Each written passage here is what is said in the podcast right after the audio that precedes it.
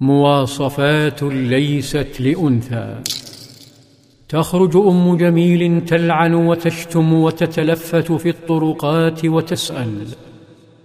فيخبرها السفهاء أن مبتغاها هناك عند الكعبة. فتهرول كالمعتوهه نحوها وهي تولول بكلمات الكفر. مذمما أبينا ودينه قلينا. وأمره عصينا. ترددها كالبلهاء وعندما تصل تشد يدها على الحجر فلا ترى إلا أبا بكر. فيراها أبو بكر ويقول يا رسول الله قد أقبلت وأنا أخاف أن تراك. فقرأ النبي قوله تعالى وإذا قرأت القرآن جعلنا بينك وبين الذين لا يؤمنون بالآخرة حجابا مستورا. وتقترب وتتلفت كالأفعى ولها فحيح. تحدق تبحث ثم تصيح بأبي بكر وتستجوبه. ورذاذ الحقد يتطاير من فمها. يا ابن أبي قحافة إني أخبرت أن صاحبك هجاني ما شأنه ينشد في الشعر؟ فقال أبو بكر لا ورب هذا البيت ما هجاك والله ما صاحبي بشاعر وما يدري ما الشعر. فقالت أليس قد قال في جيدها حبل من مسد فما يدريه ما في جيدي. فهمس النبي عليه السلام لأبي بكر قل لها ترين عندي أحدا؟ فإنها لن تراني. جعل بيني وبينها حجاب.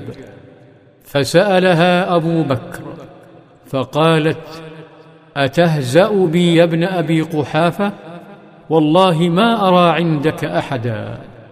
ثم ولت وهي تقول قد علمت قريش أني ابنة سيدها. ولت وهي تثير الغوغاء والمراهقين. تحرضهم على النيل من رسول الله صلى الله عليه وسلم الذي لا يعرف اليأس. نهض عليه السلام.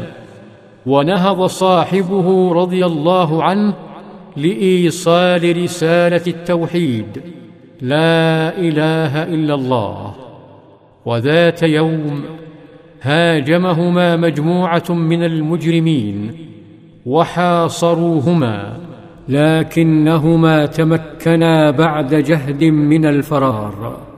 وصلا إلى أحد المراعي يلاحقهما الخوف ويكاد يقتلهما العطش. شاهدا من بعيد قطيعا من الأغنام. فتوجها نحو الراعي. كان فتى قصير القامة. نحيل الجسد جدا.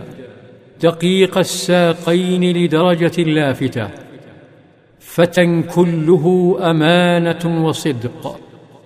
فتى اسمه عبد الله بن مسعود الهذلي. اقترب منه عله أن يسقيهما. فقال يا غلام عندك لبن تسقينا؟ فأجاب إني مؤتمن ولست بساقيكما. لم تغرهما كثرة الغنم ولا ضعف الراعي على اغتصاب شربة لبن. ولم يأبه لهما الراعي فالقطيع لمجرم تهابه قريش يدعى عقبة بن أبي معيط. لكن شيئا حدث جعل الراعي يذهل عن نفسه وعن غنمه وعن جبروت عقبة ودراهمه. طلب عليه السلام من الفتى جذعة ليس في ضرعها لبن فتحرك الفتى والاستغراب يسأله وماذا عسى أن يجد هذا الرجل في شاة لا لبن فيها؟ ثم تسلل بين غنماته وأحضر ما طلب منه متعجبا وما ان وضع الجذعه بين يدي نبي الله حتى فتح فاه واتسعت عيناه. وها له ما يرى. في ظلال السيرة.